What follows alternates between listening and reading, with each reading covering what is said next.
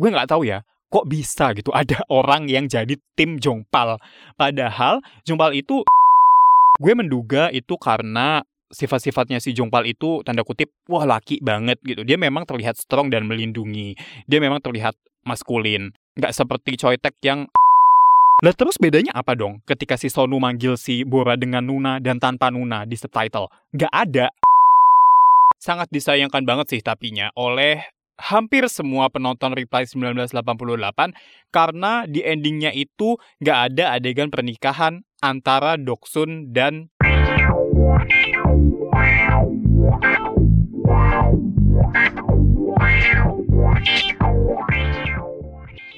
Halo, selamat datang dan selamat mendengarkan podcast Review SJW, sebuah podcast yang membahas isu sosial dan budaya, juga politik dan lingkungan yang ada di film, TV series, dan pop culture lainnya bersama gue, Budi Winawan. Di episode kali ini gue akan membahas sebuah drama Korea yang sebenarnya sudah tayang lama, tapi cuman hype-nya masih terasa sampai sekarang, bahkan bisa mengundang penonton-penonton baru, yang salah satunya adalah gue. Drakor tersebut adalah Reply 1988. Ceritanya sebenarnya sederhana aja, yaitu tentang persahabatan dan kekeluargaan warga Sang Mundong.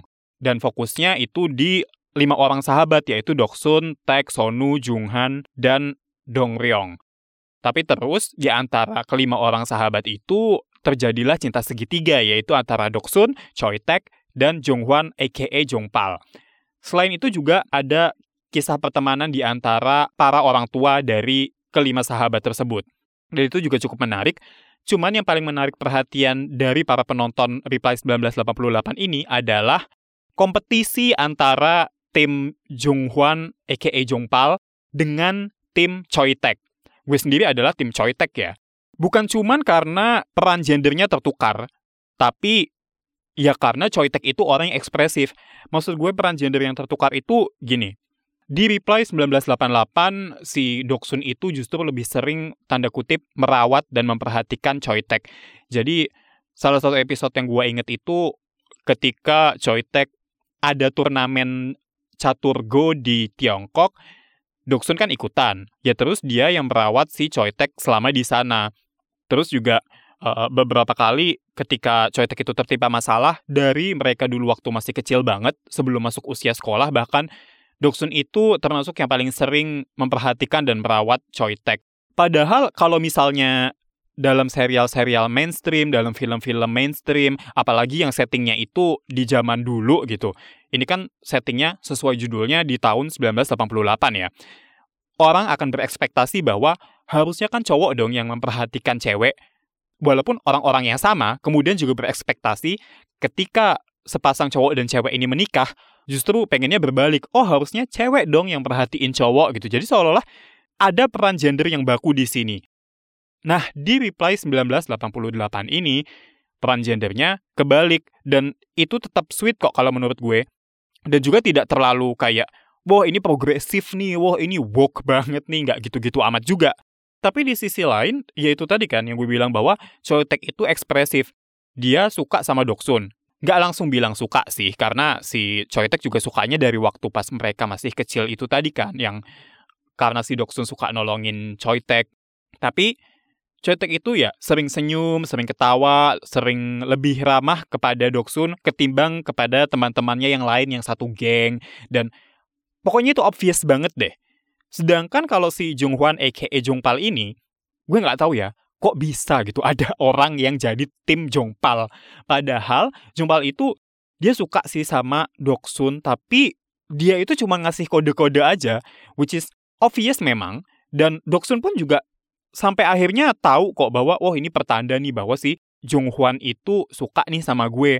Dan akhirnya si Doksun juga ngasih kode balik dong. Dan Jonghwan aka Jongpal ini sadar kok bahwa si Doksun itu tahu bahwa si Doksun itu menangkap sinyal-sinyal dari si Jongpal.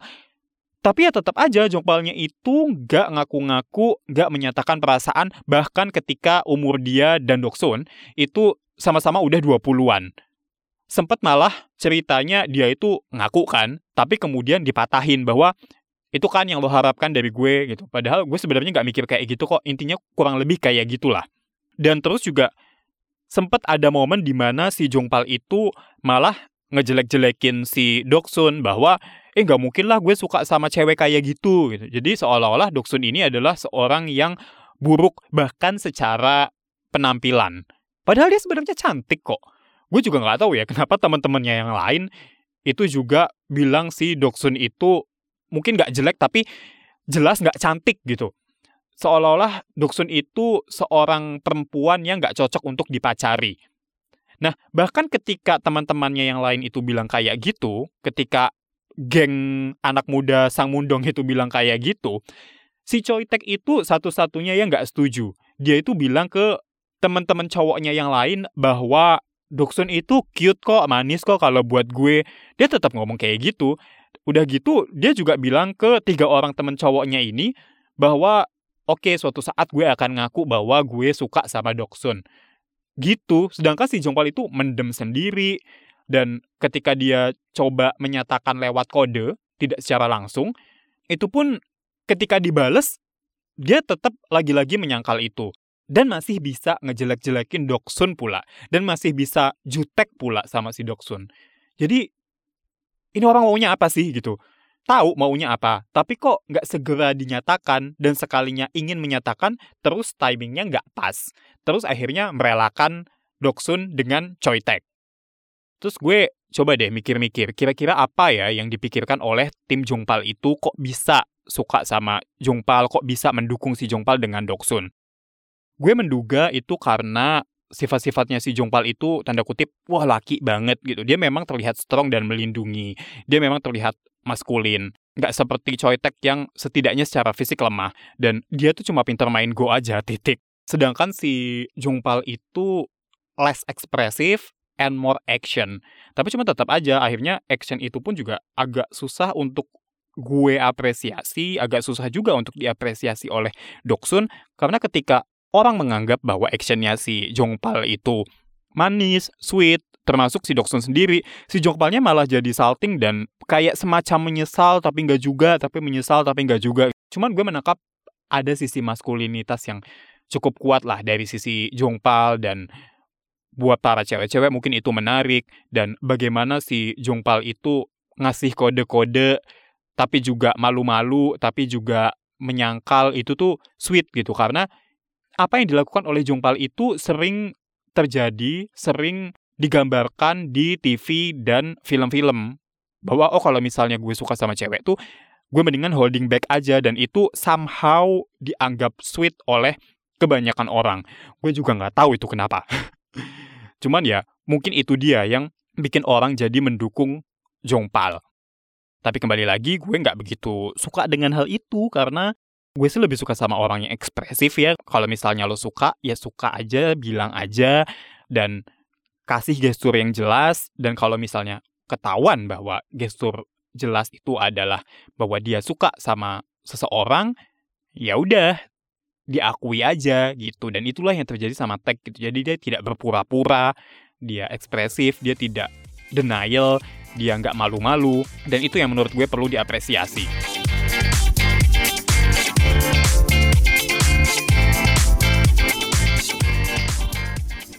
Nah, itulah kira-kira yang ingin gue SJW dari Reply 1988 ini, yaitu tentang gender roles dan ekspektasi bagaimana seharusnya laki-laki bersikap ketika menyukai seorang perempuan.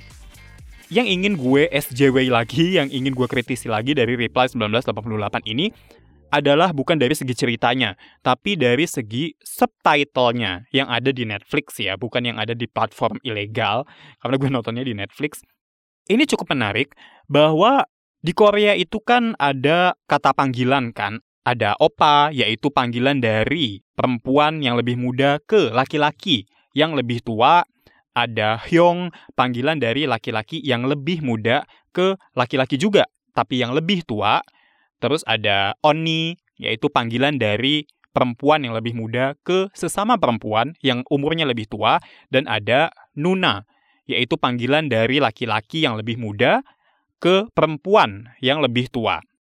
Nah, terus kalau misalnya buat orang yang lebih muda gimana? Kalau yang lebih muda itu disebutnya dongseng, dan itu nggak peduli laki-laki atau perempuan, sebutannya sama aja dongseng.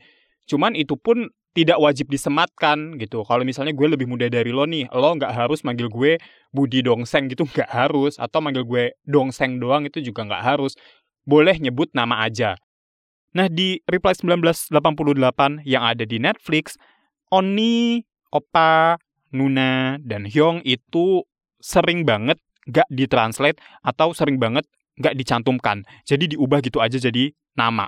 Dan itu sebenarnya menurut gue cukup bermasalah karena well gue ngerti sedikit bahasa Korea, setidaknya gue ngerti makna dari Oni, Nuna, Opa, dan Hyung. Jadi ketika apa yang gue denger itu tidak tertulis di subtitle, itu jadi aneh. Apalagi ketika ini soal hubungannya si Sonu dengan Bora yang adalah kakaknya Doksun. Bora itu kan lebih tua, lebih tua dari Sonu. Jadi Sonu itu manggil Bora Nuna.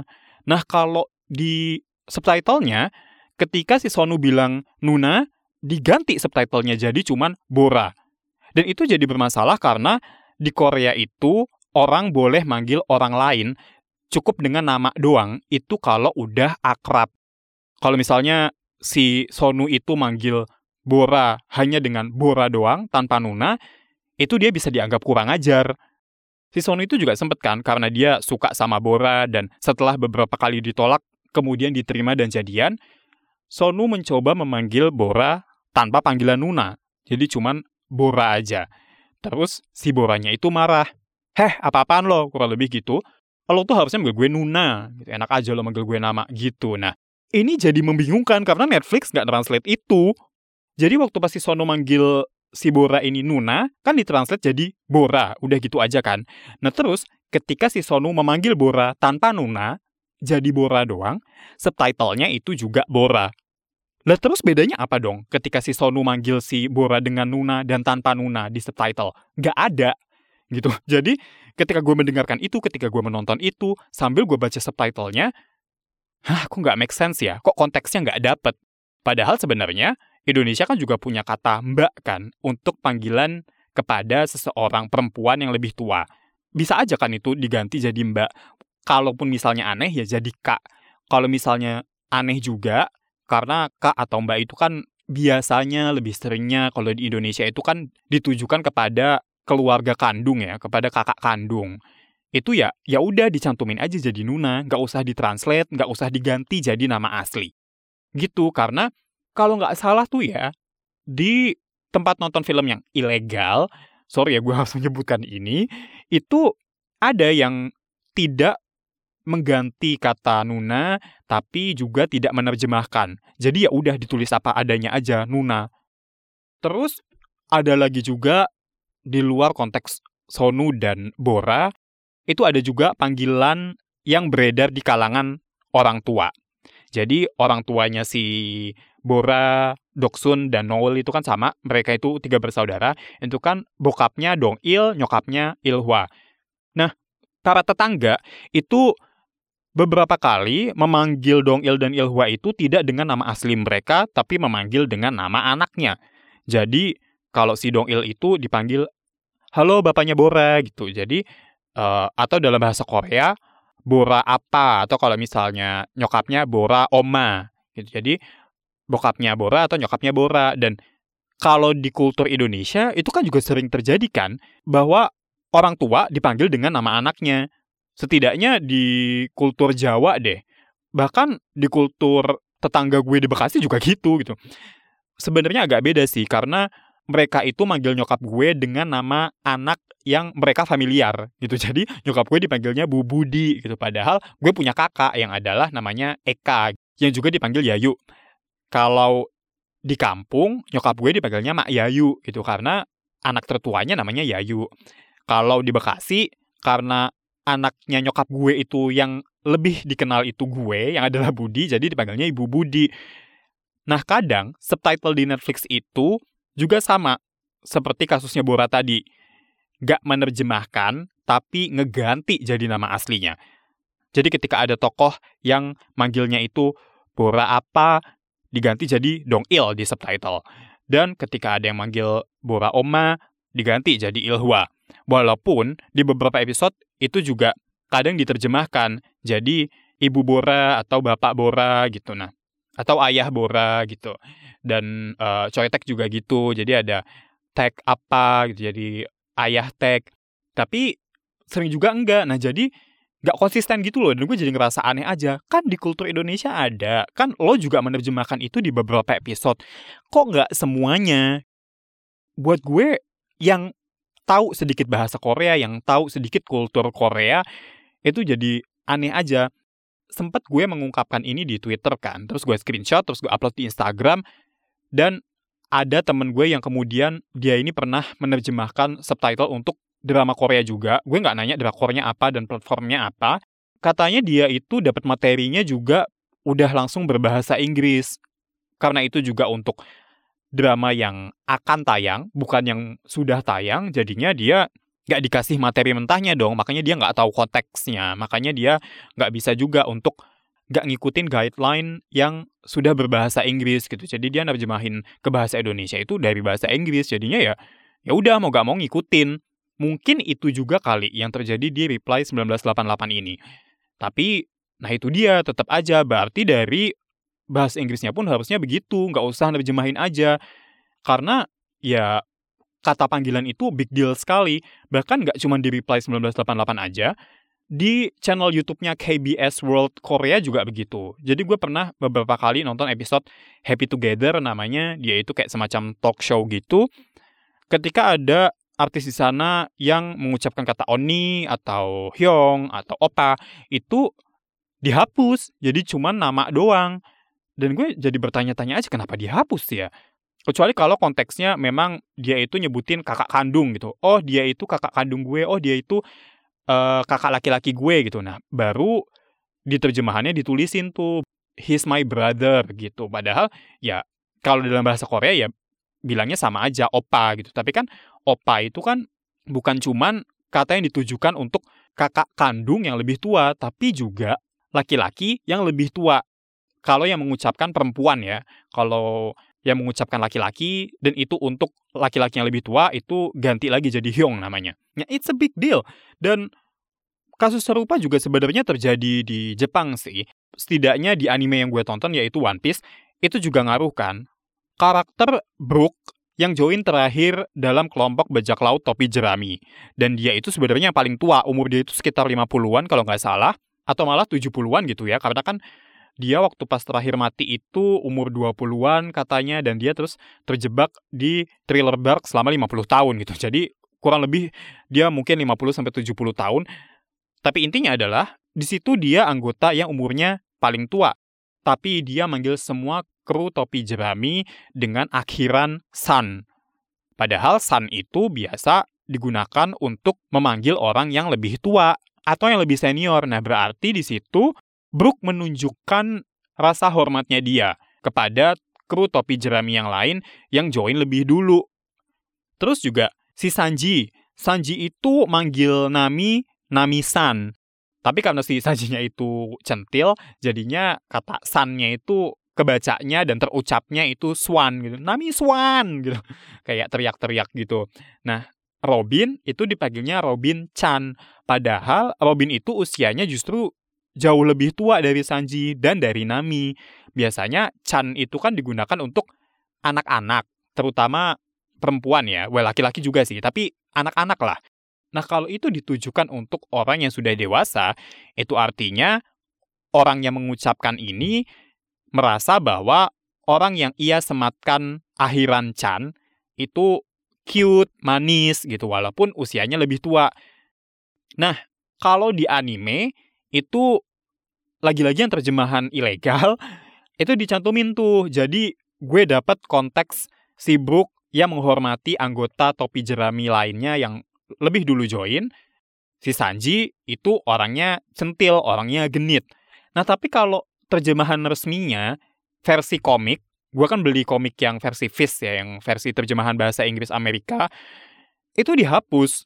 Jadi Brook itu manggilnya nggak pakai San, Sanji itu manggil ke Nami nggak pakai San, manggil Robin nggak pakai Chan. Jadi meskipun dari ekspresinya kelihatan, tapi dari dialognya itu nggak kelihatan dan jadinya kesan menghormati Brook itu jadi nggak dapet sama sekali karena bener-bener kehapus.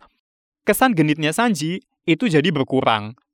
Karena dia gesturnya masih ada, cuman secara naratif aja nggak terasa. Gue nggak tahu ya sebabnya apa, mungkin ada guideline dari semacam asosiasi penerjemah global internasional atau apalah gitu. Tapi gue harap semoga penerjemah ini makin coba berusaha untuk melihat konteks atau coba melihat karyanya dulu. Atau dari orang yang minta tolong kepada penerjemah itu ngasih materi mentahnya juga atau enggak ya melibatkan penerjemah lah ketika dalam proses pembuatan karya. Jadi penerjemah juga tahu konteksnya, tahu kapan harus menghilangkan sesuatu, kapan harus mengganti sesuatu, kapan sesuatu itu harus dibiarkan apa adanya dengan catatan kaki atau enggak. Gimana lah caranya? Nah, kayak gitu-gitu. Karena di Korea, penggunaan kata panggilan selain Nuna, Oni, Hyung, Opa, itu juga ada Ajuma, Ajushi, terus ada Sunbe alias senior. Itu semua selalu dipakai, terutama dalam konteks formal. Kalau misalnya dalam konteks informal, well, itu juga dipakai sih. Tapi jadi hilang ketika sudah akrab. Dan itu doang satu-satunya momen di mana kata panggilan itu bisa hilang. Begitupun di Jepang. Kalau Jepang itu malah justru akhiran. Prinsipnya sih sama tapi formatnya agak beda. Kalau misalnya gue nih di Korea gitu manggil cowok yang lebih tua dari gue, itu gue bisa manggil dia Hyung atau nama plus Hyung, tapi nggak bisa nama doang. Misalnya Choi Tek deh, Tek kan nama singkatnya. Gue manggil Tek itu bisanya Tek Hyung atau Hyung, tapi gue nggak boleh manggil Tek itu Tek doang. Kalau gue belum akrab. Nah, kalau di Jepang itu namanya juga harus dipanggil. Jadi kayak misalnya Luffy gitu. Gue manggil Luffy, kalau misalnya gue belum kenal, kalau misalnya gue belum akrab, itu harus Luffy-san. Tapi nggak bisa san doang, nggak bisa Luffy doang. Itu harus ada kata akhirannya.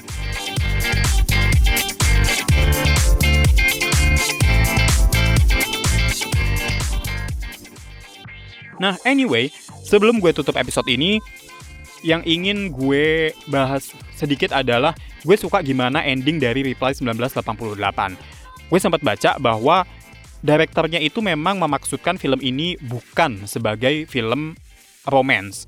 Jadi itu adalah film persahabatan dan kekeluargaan, which is gue sangat merasakan sekali di sini dan gue suka banget narasinya si Doksun yang mengakhiri serial ini bahwa selamat tinggal masa mudaku, selamat tinggal Sang Mundong, terus juga si Doksun sempat bilang bahwa kalaupun bisa gue tuh kayaknya nggak mau lagi deh balik ke masa muda. Ya, cuman gue rada menyesal aja karena ketika kita semua pergi meninggalkan Sang Mundong, kita tuh nggak pernah sempet mengucapkan selamat tinggal. Jadi semuanya pada pindah aja natural, tapi nggak pernah kayak apa ya mengucapkan salam perpisahan gitu nggak pernah. Nah paling yang dia sesali itu aja, tapi itu pun nggak membuat dia ingin kembali ke masa lalu. Which is kind of deep karena banyak kan orang yang masih tertinggal di masa lalu dan susah move on bahwa wah masa-masa remaja itu indah banget ya dan pengen deh balik lagi ke masa-masa dulu, masa-masa waktu masih muda dan bebas gitu. Well, di ending Doksun memberitahu kita bahwa iya, masa muda itu indah, masa muda itu masa yang harus kita syukuri. Tapi kita juga sekarang di masa dewasa punya banyak hal-hal yang gak kita punya waktu dulu masih remaja kok. Dan gue sih mensyukuri itu. Dan itu tidak bikin gue pengen balik lagi ke masa remaja. Sangat disayangkan banget sih tapinya oleh hampir semua penonton Reply 1988 karena di endingnya itu gak ada adegan pernikahan antara Doksun dan Choi Taek. Tapi adegan pernikahan Sonu dan Bora itu justru ada. Well, gue maklum sih karena si Bora itu kan karakternya yang batu, yang cewek serem gitu. Tapi terus kemudian dia bisa jatuh cinta, bisa pacaran, bahkan bisa menikah dengan laki-laki yang lebih muda dari dia dan tetangganya sendiri gitu. Jadi sebuah proses pertumbuhan dan perkembangan karakter yang menarik lah si Bora itu dan adegan pernikahannya juga ah uh, itu sweet banget, manis banget, terutama ketika ayahnya nulis surat buat Bora di hari pernikahan terus Bora baca gitu karena Bora dengan bokapnya itu nggak deket kan dan di surat itu bokapnya Bora si Dong Il itu nunjukin banget rasa sayangnya dia ke Bora gitu dan Boranya sampai nangis, gue pun sampai berkaca-kaca. Itu momen yang sangat berharga dan Bora pantas mendapatkan scene itu. Dan itu pun agak bermasalah karena sebenarnya Sonu itu marganya sama dengan Bora, which is sama juga dengan Doksun. Dulu orang yang bermarga sama itu nggak boleh menikah, itu akan jadi apa ya? Bahan kontroversi, bahan perbincangan, dan susah juga dilegalin waktu dulu ya. Cuman tahun itu katanya orang yang menikah sama marga bakalan dibolehin gitu. Jadi ya udah nggak apa-apa. Walaupun ya udah nggak apa-apanya itu melalui proses yang ribet juga. Udah gitu, bokapnya Choitek itu kan nikah dengan nyokapnya Sonu. Jadi sebenarnya Tek itu adalah adik atau kakak tirinya si Sonu gitu. Nah, si Sonunya menikah dengan kakaknya Doksun. Terus saudara tirinya si Sonu yang adalah Choritek ini menikah dengan si Doksun yang adalah adiknya Bora. Jadi kan kayak masih satu line gitu loh, walaupun bukan line kandung. Nah, gue sih nggak begitu menyesal ya, tidak ada adegan pernikahan antara Choitek dengan Doksun. Karena ya itu tadi kan, direkturnya aja bilang bahwa ini tuh bukan serial romance, ini itu adalah serial persahabatan dan kekeluargaan. Tapi ya fakta bahwa ada kompleksitas hubungan kekeluargaan itu, itu kan bisa in a way menghambat pernikahan antara Duksun dan Choi Tek kan. Tapi kok nggak ada gitu, jadi gue agak nyesel aja sih, walaupun ya menurut gue tetap terbayarkan sih dengan narasi ending dari Doksun.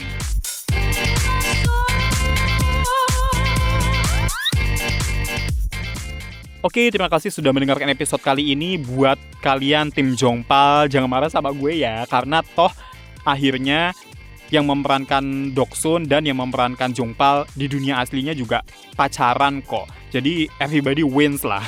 Oke, buat kalian yang punya kritik dan saran, yang ingin berinteraksi dengan gue, yang punya request episode, yang ingin tahu fakta SJW, fakta di balik sebuah film dan TV series, yang ingin dapat rekomendasi, silahkan kunjungi akun media sosial podcast review SJW, ada di Twitter, at ada juga di Instagram, at. Sekian episode kali ini, gue Budi pamit, sampai jumpa di episode-episode yang selanjutnya. Bye-bye!